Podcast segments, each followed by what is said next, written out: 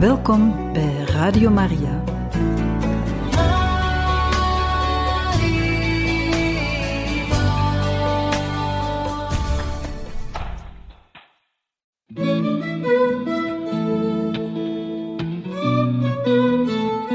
De kerk spreekt.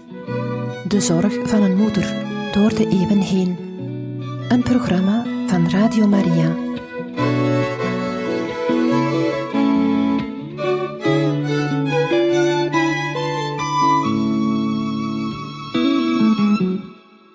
Van harte welkom, beste luisteraars van Radio Maria, bij het programma De Kerk Spreekt. Vandaag lezen wij u verder voor uit de encycliek Veritatis Splendor over kerkelijke moraalleer, geschreven door de heilige paus Johannes Paulus II en gepubliceerd op 6 augustus 1993. We bevinden ons in het tweede hoofdstuk, waar we dus de inleiding en reeds drie artikels volledig hebben behandeld, en zijn bezig met het vierde artikel, de zedelijke handeling. Vorige keer eindigden we met paragraaf 1, teleologie en teleologisme, waarbij de heilige paus Johannes Paulus II enkele theorieën uit de moraaltheologie die zich in de loop van de jaren hebben ontwikkeld, besprak. We gaan verder met paragraaf 2, het object van de vrije menselijke handeling.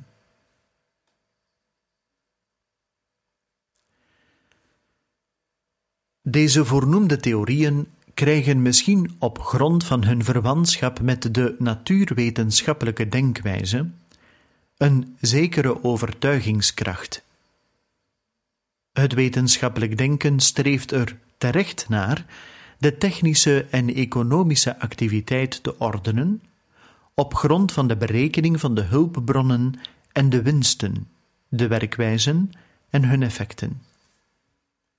Ze willen bevrijden van de dwang van een voluntaristische en willekeurige plichtenmoraal, die onmenselijk zou blijken.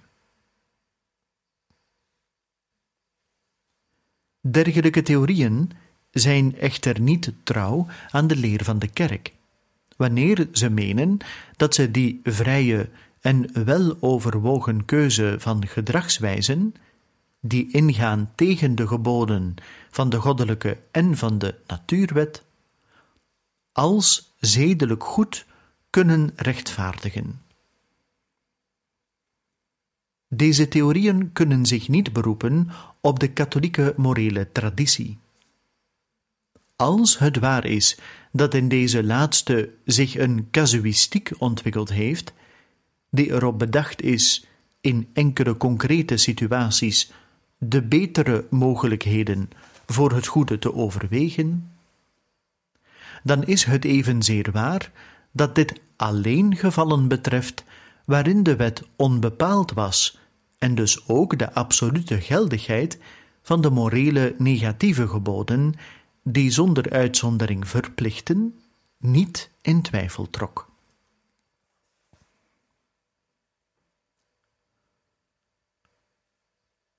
De gelovigen moeten de specifieke, door de kerk in de naam van God, de Schepper en Heer, voorgelegde en geleerde zedelijke geboden te erkennen en te respecteren.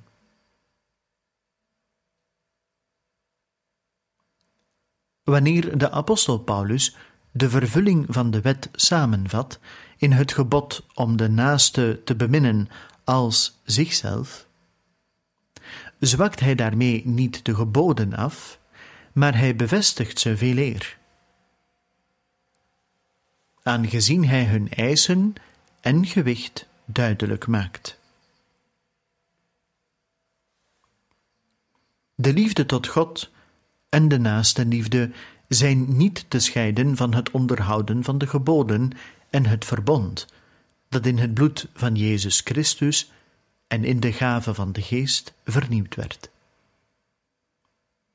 Het strekt de christenen tot eer God meer te gehoorzamen dan de mensen en daarvoor ook het martelaarschap op zich te nemen, zoals de heilige mannen en vrouwen van het Oude en Nieuwe Testament het gedaan hebben. Ze werden heilig verklaard, omdat ze liever hun leven gaven dan deze of gene handeling te verrichten die tegen het geloof of de deugd inging.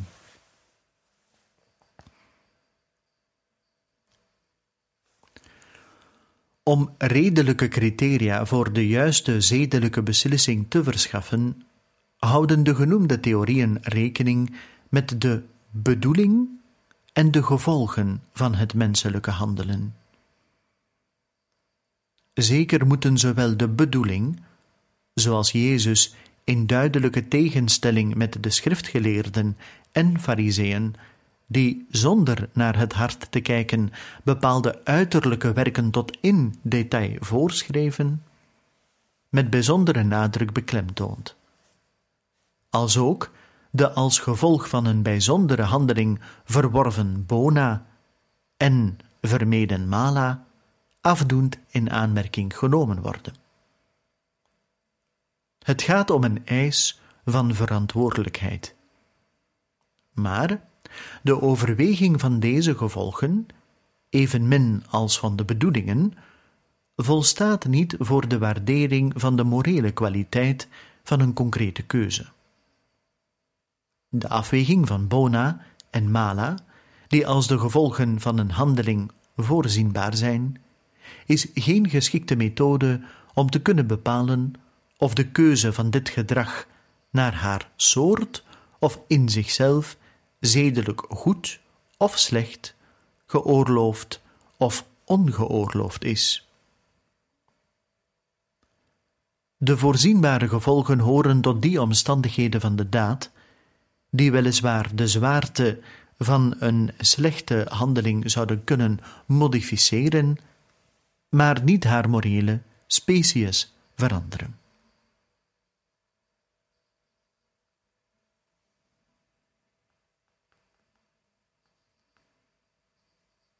Voor het overige weet iedereen hoe moeilijk, of beter, hoe onmogelijk het is om alle gevolgen en alle in voormorele zin goede, respectievelijk slechte effecten van de eigen handelingen te beoordelen. Een uitputtende verstandelijke raming is niet mogelijk. Hoe moet men proporties vaststellen die van een waardering afhangen, waarvan de criteria in duisternis verkeren? Hoe zou men op grond van dergelijke dubieuze ramingen een absolute verplichting kunnen rechtvaardigen? De moraliteit van de menselijke handeling is van het door de vrije wil redelijk gekozen object afhankelijk, zoals ook de scherpzinnige, nog altijd deugdelijke analyse van de heilige Thomas aantoont.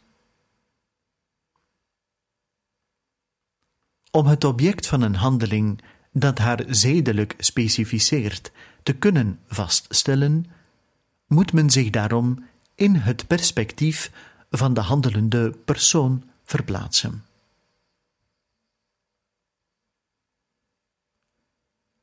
Het object van de wilsdaad is immers een vrijgekozen gedrag.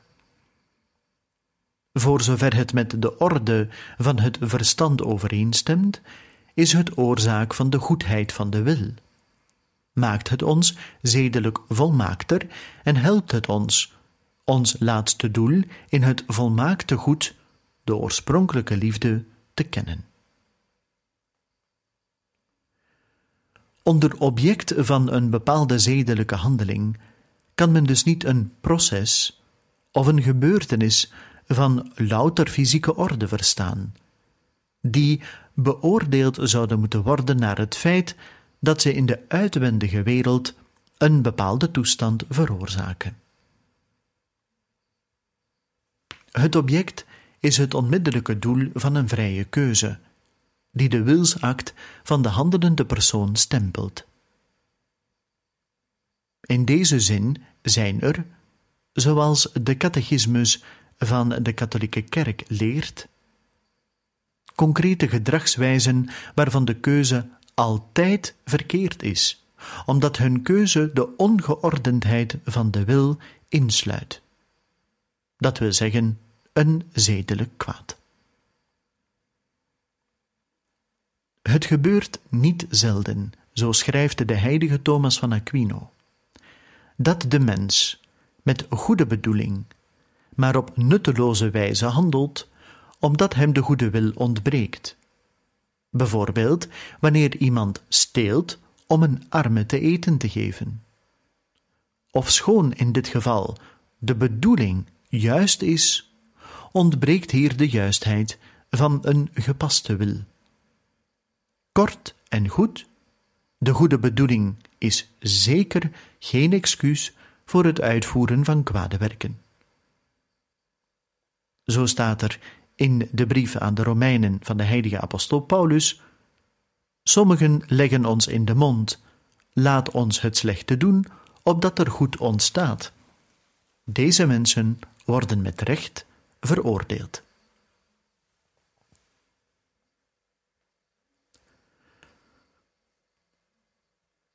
De reden waarom de goede bedoeling niet volstaat, maar ook de juiste keuze van de werken nodig is, ligt in het feit dat de menselijke handeling afhangt van haar object, respectievelijk van de vraag of dit object op God, Hem dus, die alleen de goede is, afgestemd kan worden of niet. En zo de volmaaktheid van de menselijke persoon bewerkt. Een handeling is daarom goed wanneer haar object overeenkomt met het goed van de persoon, met respect voor de bona die voor haar zedelijk van belang zijn. De christelijke ethiek, die voor het object van zedelijke handelingen een heel bijzondere belangstelling heeft, wijst het dus niet af om de innerlijk teleologie van het handelen in aanmerking te nemen, voor zover gericht op de bevordering van het ware goede van de persoon. Zij houdt er echter aan vast dat dat laatste pas dan waarlijk nagestreefd wordt wanneer de wezenlijke aspecten van de menselijke natuur gerespecteerd worden. De krachtens haar object goede menselijke handeling bezit ook de eigenschap om op het laatste doel afgestemd te kunnen worden. Juist deze handeling krijgt dan haar laatste en beslissende volkomenheid wanneer de wil haar door de liefde daadwerkelijk op God afstemt. In deze zin leert de patroon van de moraaltheologen en biechtvaders: het is niet voldoende goede werken te doen, ze moeten goed gedaan worden.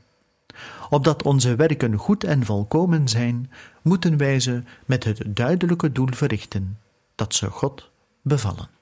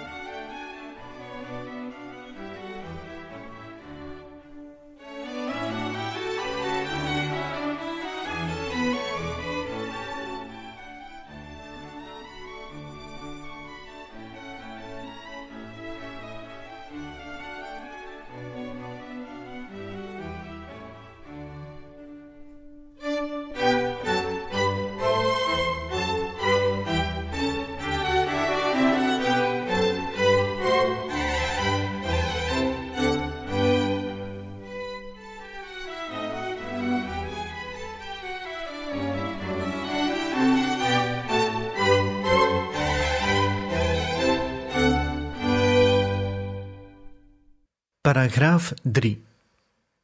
Het in zichzelf slechte, men mag geen kwaad doen opdat goed ontstaat. Daarom moet men de opvatting die typisch is voor teleologische en proportionalistische theorieën afwijzen, dat het onmogelijk is om de bewuste keuze van enkele gedragswijzen, respectievelijk concrete handelingen, naar hun object als zedelijk slecht te beoordelen zonder de bedoeling waarmee deze keuze gemaakt werd, of zonder het geheel van voorzienbare gevolgen van die handeling voor alle betrokken personen te respecteren.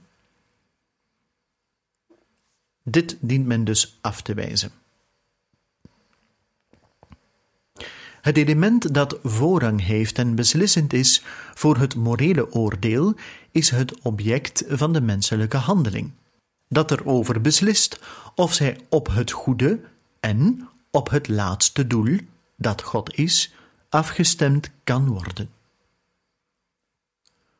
Of dit zo is, herkent het verstand in het zijn van de mens zelf, begrepen in zijn waarheid in volle omvang, en daarmee met inachtneming van zijn natuurlijke neigingen, zijn impulsen en doelgerichtheden, die altijd ook een geestelijke dimensie bezitten.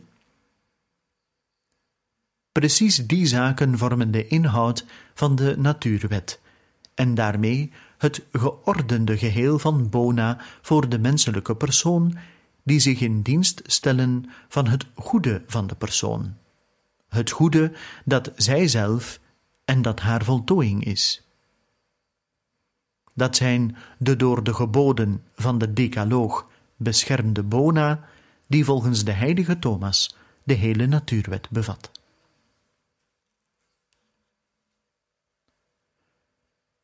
Nu getuigt het verstand dat er objecten van de menselijke handelingen zijn die zich niet op God laten afstemmen, omdat zij in radicale tegenspraak met het goede van de naar zijn beeld geschapen persoon zijn.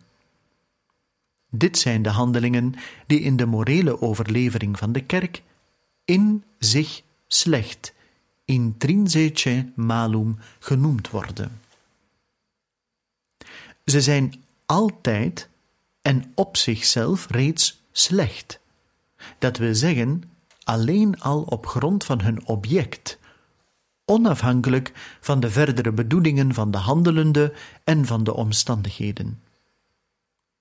Daarom leert de kerk, zonder ook maar het minst de invloed te ontkennen die de omstandigheden en vooral de bedoelingen op de moraliteit hebben, dat er handelingen zijn die door zichzelf en in zichzelf onafhankelijk van de omstandigheden vanwege hun object altijd ernstig ongeoorloofd zijn. Een verwijzing naar reconciliatio et penitentia. Het Tweede Vaticaans Concilie geeft, in samenhang met de eerbied die de menselijke persoon verdient, een uitvoerige toelichting bij zulke handelingen aan de hand van voorbeelden. Al wat verder tegen het leven zelf ingaat, zoals alle soorten van moord, uitroeiing, abortus, euthanasie en vrijwillige zelfmoord. Al wat de integriteit van de menselijke persoon aantast, zoals verminking, lichamelijke en geestelijke foltering, pogingen om de mens psychisch in zijn macht te krijgen. Al wat een belediging is voor de menselijke waardigheid, zoals onmenselijke levensvoorwaarden, willekeurige arrestaties, deportaties, slavernij, prostitutie, handel in meisjes en minderjarigen schandelijke arbeidsvoorwaarden, waarbij de arbeiders als louter winstwerktuigen worden behandeld en niet als vrije en verantwoordelijke personen. Dit alles en andere dergelijke dingen zijn onmiskenbaar schandelijk. Ze zijn een aantasting van de menselijke beschaving, en zij werpen meer een smet op hen die zich zo gedragen, dan op hen die het onrecht hebben te verdragen. En ze zijn volledig in tegenspraak met de eer van de Schepper. Zo vertelt ons Gaudium et Spes.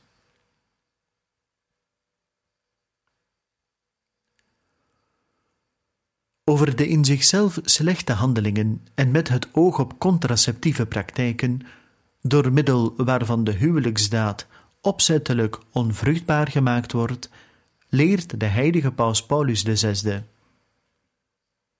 Want al kan het in werkelijkheid soms geoorloofd zijn een geringer moreel kwaad toe te laten, om een groter kwaad te vermijden, of om een hoger goed te bevorderen? Nooit is het echter geoorloofd, zelfs niet om zeer ernstige redenen, het kwade te doen, opdat het goede daaruit zou volgen. Dat we zeggen dat men niet positief mag willen, wat in zijn wezen een overtreding van de morele orde betekent, en dus mens onwaardig is ook al bedoelt men daarmee het welzijn van het individu, van het gezin of van de maatschappij te verdedigen en te bevorderen. Een citaat uit de, de encycliek Humane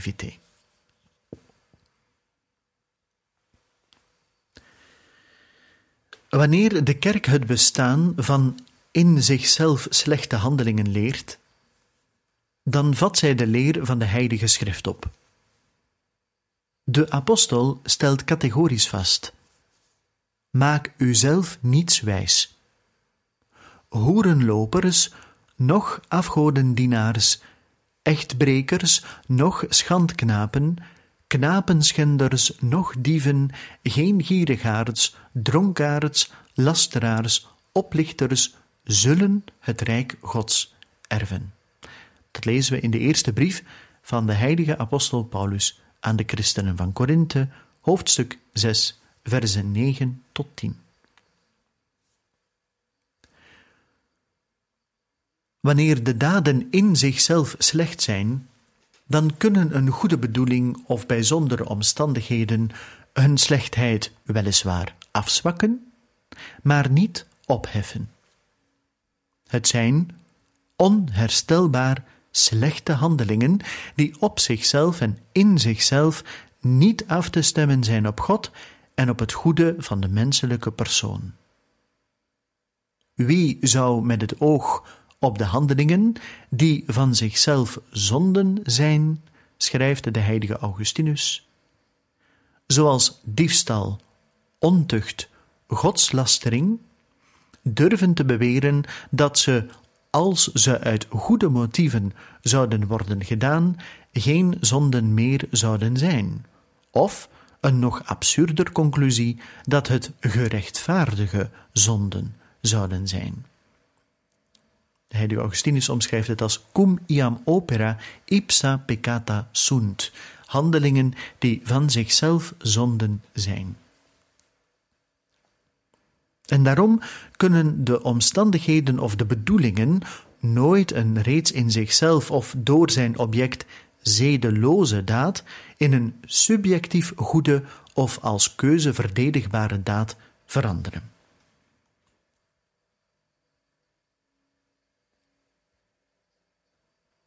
Voor het overige is de bedoeling dan goed wanneer ze op het ware goed van de persoon met het oog op haar laatste doel gericht is.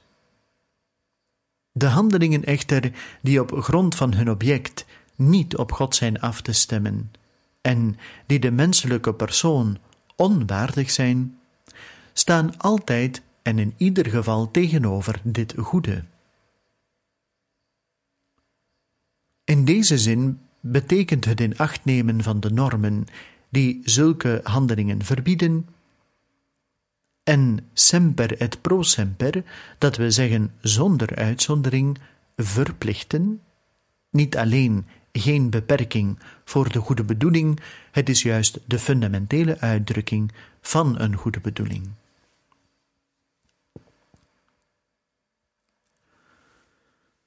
De leer van het object als bron van de zedelijkheid is authentieke uitdrukkingsvorm van de bijbelse moraal van het verbond en van de geboden, de liefde en de overige deugden.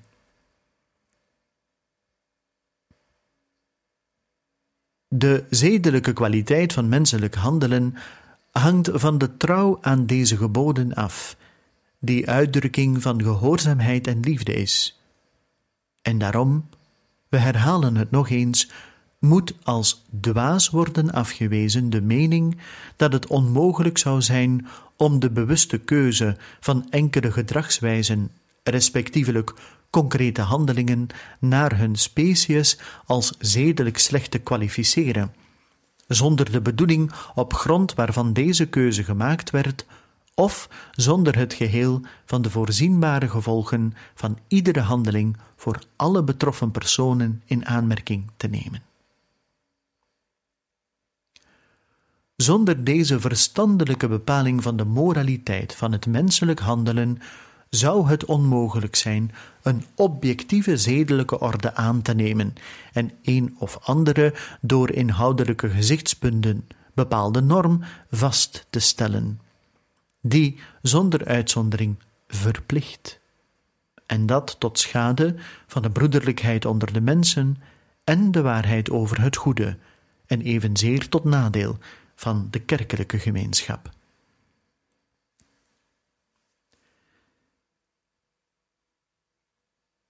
In het probleem van de zedelijkheid van het menselijk handelen en speciaal in de vraag naar het bestaan van in zichzelf slechte handelingen, concentreert zich, zoals men ziet, in zekere zin, de vraag naar de mens zelf, naar zijn waarheid en de daaruit voortvloeiende consequenties.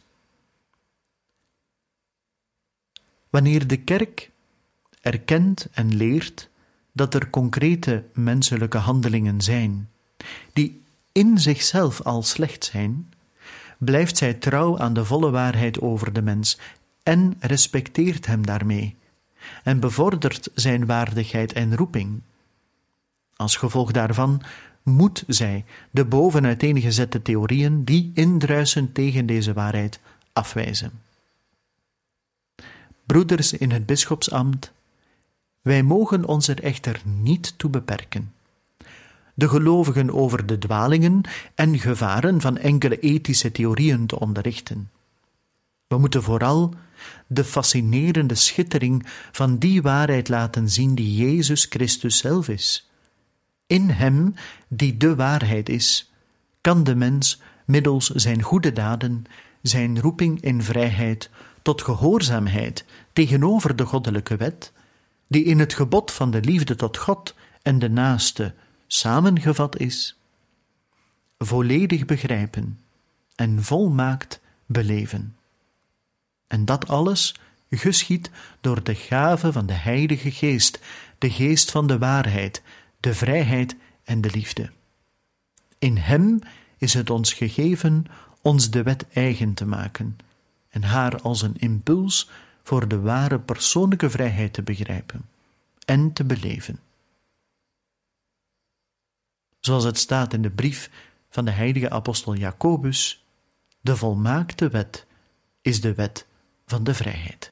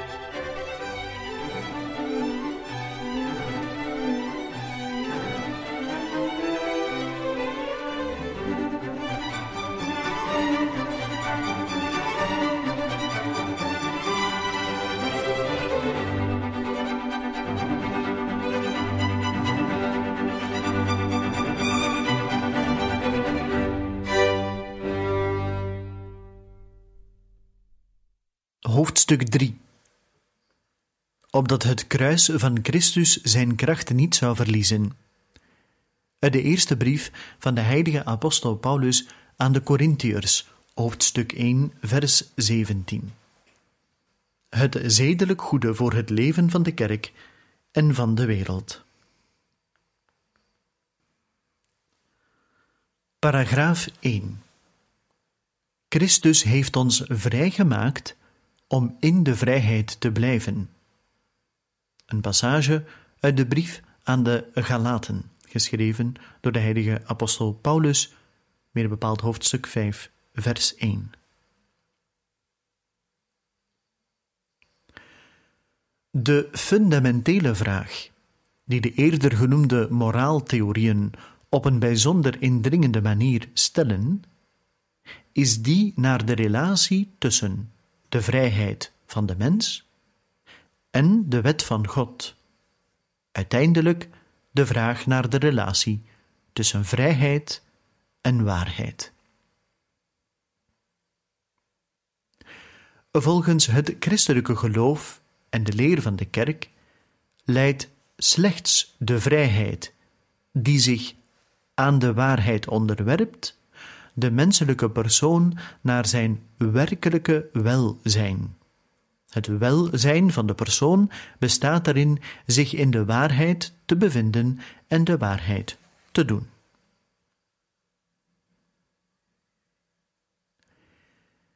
De vergelijking van de positie van de kerk met de huidige maatschappelijke en culturele situatie toont onmiddellijk de dringende noodzaak dat juist met het oog op deze fundamentele vraag door de kerk zelf een intensieve pastorale arbeid ontwikkeld wordt. Deze wezenlijke samenhang van de waarheid, het goede en de vrijheid is in de moderne cultuur praktisch verloren gegaan. En daarom is tegenwoordig een van de bijzondere eisen die aan de zending van de kerk gesteld worden ter redding van de wereld, de mens te leiden naar het opnieuw ontdekken van deze samenhang. De vraag van Pilatus: wat is waarheid? wordt ook tegenwoordig zichtbaar aan de troosteloze radeloosheid van een mens die vaak niet meer weet wie hij is, waar hij vandaan komt en waar hij naartoe gaat. En zo beleven we niet zelden het verschrikkelijke afgeleiden van de menselijke persoon in situaties van een voortgaande zelfvernietiging. Indien men naar bepaalde stemmen zou luisteren, dan lijkt het erop dat men niet meer de onveranderlijke absoluutheid van ook maar één zedelijke waarheid nog mag erkennen. Voor iedereen duidelijk is de verachting van het ontvangen, maar nog niet geboren menselijke leven. De voortdurende schending van de grondrechten van de persoon, de onrechtvaardige vernietiging van de voor het ware menselijke leven noodzakelijke goederen. Ja, er zijn nog veel bedenkelijkere zaken gebeurd. De mens is er niet meer van overtuigd alleen in de waarheid het heil te kunnen vinden. De reddende, heilbrengende kracht van de waarheid wordt aangevochten, en alleen de echter van elke objectiviteit beroofde vrijheid wordt de taak toegedacht autonoom te beslissen over wat goed en slecht is. Dit relativisme leidt op theologisch gebied tot wantrouwen in de wijsheid van God, die de mens door middel van de zedenwet leidt. Tegenover de geboden van de zedenwet stelt men de zogenaamde concrete situatie. Omdat men er in feite niet meer eraan vasthoudt dat de wet van God altijd het enige ware goede voor de mens is.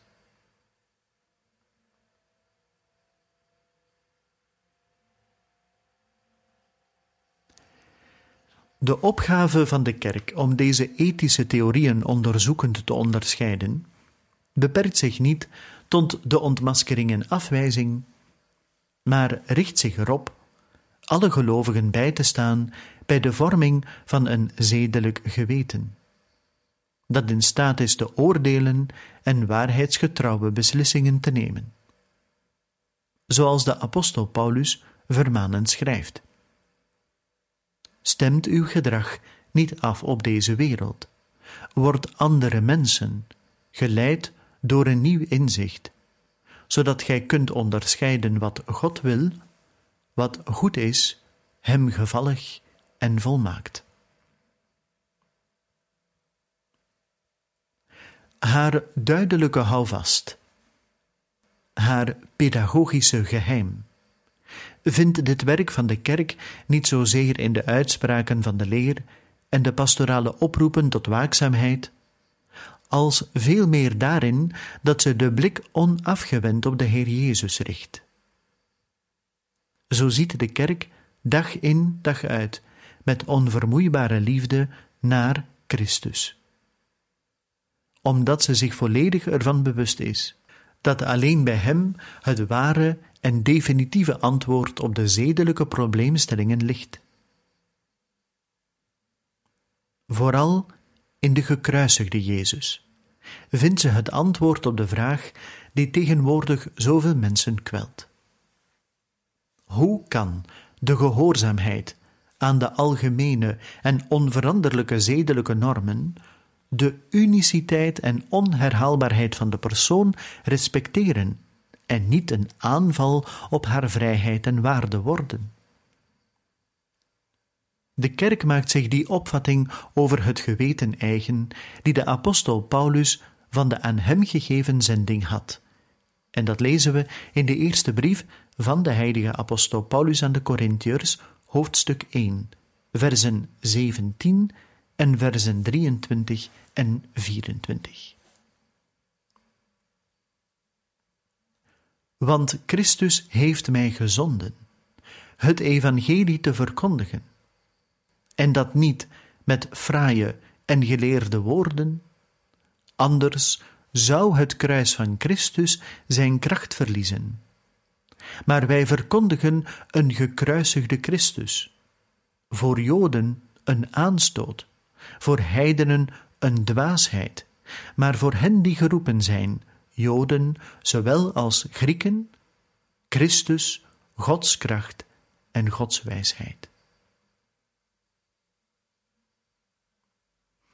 De gekruisigde Christus openbaart de authentieke betekenis van de vrijheid hij leeft deze in de volheid van zijn totale zelfgave en roept de leerlingen op aan deze vrijheid deel te nemen. Verstandige overweging en de alledaagse ervaring tonen de zwakte waardoor de vrijheid van de mens getekend is. Ze is echte, maar begrensde vrijheid. Ze heeft haar absolute en onvoorwaardelijke uitgangspunt niet in zichzelf, maar in het bestaan, waarbinnen ze zich bevindt, en dat voor haar gelijktijdig een grens en een mogelijkheid is. Het is de vrijheid van een schepsel, dat wil zeggen geschonken vrijheid, die als kiem ontvangen en op een verantwoordelijke manier tot rijpheid gebracht moet worden. Ze hoort wezenlijk bij het geschapen evenbeeld van God, waardoor de waardigheid van de menselijke persoon gefundeerd wordt. In haar weerklinkt de oorspronkelijke roeping, waarmee de Schepper de mens tot het ware goede en, meer nog, door de openbaring van Christus ertoe geroepen heeft door deelname aan het goddelijk leven zelf, met Hem vriendschap te sluiten. Ze is tevens onveranderlijk eigen bezit en een veelomvattende opening naar alle mensen, in zoverre ze buiten zichzelf treedt om de andere te leren kennen en van hem te houden. De vrijheid heeft dus haar wortels in de waarheid over de mens en haar uiteindelijke doel in de gemeenschap. Verstand en ervaring spreken niet enkel over de zwakte van de menselijke vrijheid, maar ook over haar drama. De mens ontdekt dat zijn vrijheid op een raadselachtige wijze ertoe neigt deze openheid voor het ware en goede te misbruiken, en dat hij inderdaad er vaak de voorkeur aan geeft eindige, begrensde en vergankelijke goederen te kiezen. Ja, meer nog, in de vergissingen en negatieve beslissingen bespeurt de mens het begin van een radicaal verzet, dat hem de waarheid en het goede laat afwijzen, om zich tot absoluut principe van zichzelf op te werpen, dat gij gelijk aan God zult worden, staat er in het boek Genesis. De vrijheid moet dus bevrijd worden. Christus is haar bevrijder. Hij heeft ons vrijgemaakt om in de vrijheid te blijven. Opnieuw die verwijzing aan de brief aan de Galaten. Eerst openbaart Christus dat het eerlijk en openlijk erkennen van de waarheid de voorwaarde voor een authentieke vrijheid is. Dan zult ge de waarheid kennen, en de waarheid zal u vrijmaken, zegt onze Heer Jezus Christus in het Evangelie volgens de heilige Johannes, hoofdstuk 8, vers 32. De waarheid maakt vrij, ten opzichte van de macht, en verleent de kracht tot het martelaarschap. Zo spreekt Jezus het uit voor Pilatus. Hiertoe ben ik geboren, en hiertoe ben ik in de wereld gekomen om getuigenis af te leggen van de waarheid. Dat horen we opnieuw in het Johannesevangelie, hoofdstuk 18, vers 37. Zo moeten de ware aanbidders van God Hem in geest en in waarheid aanbidden. Het vierde hoofdstuk, vers 23. Door deze aanbidding worden ze vrij. En de samenhang met de waarheid en de aanbidding van God worden in Jezus Christus als de diepste wortel van de vrijheid openbaar. Al het overige openbaart Jezus met zijn eigen bestaan en niet alleen door woorden, maar doordat de vrijheid zich in de liefde, dat we zeggen in de zelfgave, verwezenlijkt. Hij die zegt: Geen groter liefde kan iemand hebben dan deze, dat hij zijn leven geeft voor zijn vrienden. Opnieuw een passage uit het Johannesevangelie, hoofdstuk 15, vers 13. Wel, hij die dat zegt, gaat uit vrije wil de passie tegemoet en geeft in zijn gehoorzaamheid aan de Vader zijn leven aan het kruis. Op deze wijze is de beschouwing van de gekruisigde Jezus de koninklijke weg die de kerk dag voor dag moet gaan, als ze de hele betekenis van de vrijheid wil begrijpen. De zelfgave in dienst aan God en de broeders. De gemeenschap met de gekruisigde en verrezen Heer is dan de nooit opdrogende bron waaruit de kerk onophoudelijk put om in vrijheid te leven, zich te geven en te dienen. In zijn commentaar op het vers uit Psalm 100, Dient de Heer met vreugde, zegt de heilige Augustinus in het huis van de Heer zijn de knechten vrij, omdat niet de dwang, maar de liefde de diensten oplegt. De liefde maakt je tot knecht, dienaar, zoals de waarheid je vrijgemaakt heeft. Je bent tegelijk dienaar en vrij. Dienaar, omdat je ertoe geworden bent. Vrij, omdat God, je schepper, van je houdt. Ja, vrij ook omdat het je gegeven is van je schepper te houden. Je bent dienaar van de Heer en je bent bevrijd door de Heer. Zoek niet een vrijheid die je wegbrengt van het huis van je bevrijder. Op deze wijze is de kerk en elke christen in haar ertoe geroepen deel te nemen aan het koninkrijk van Christus aan het kruis, aan de genade en aan de verantwoordelijkheid van de mensenzoon, die niet gekomen is om zich te laten dienen, maar om te dienen en zijn leven te geven als losgeld voor velen.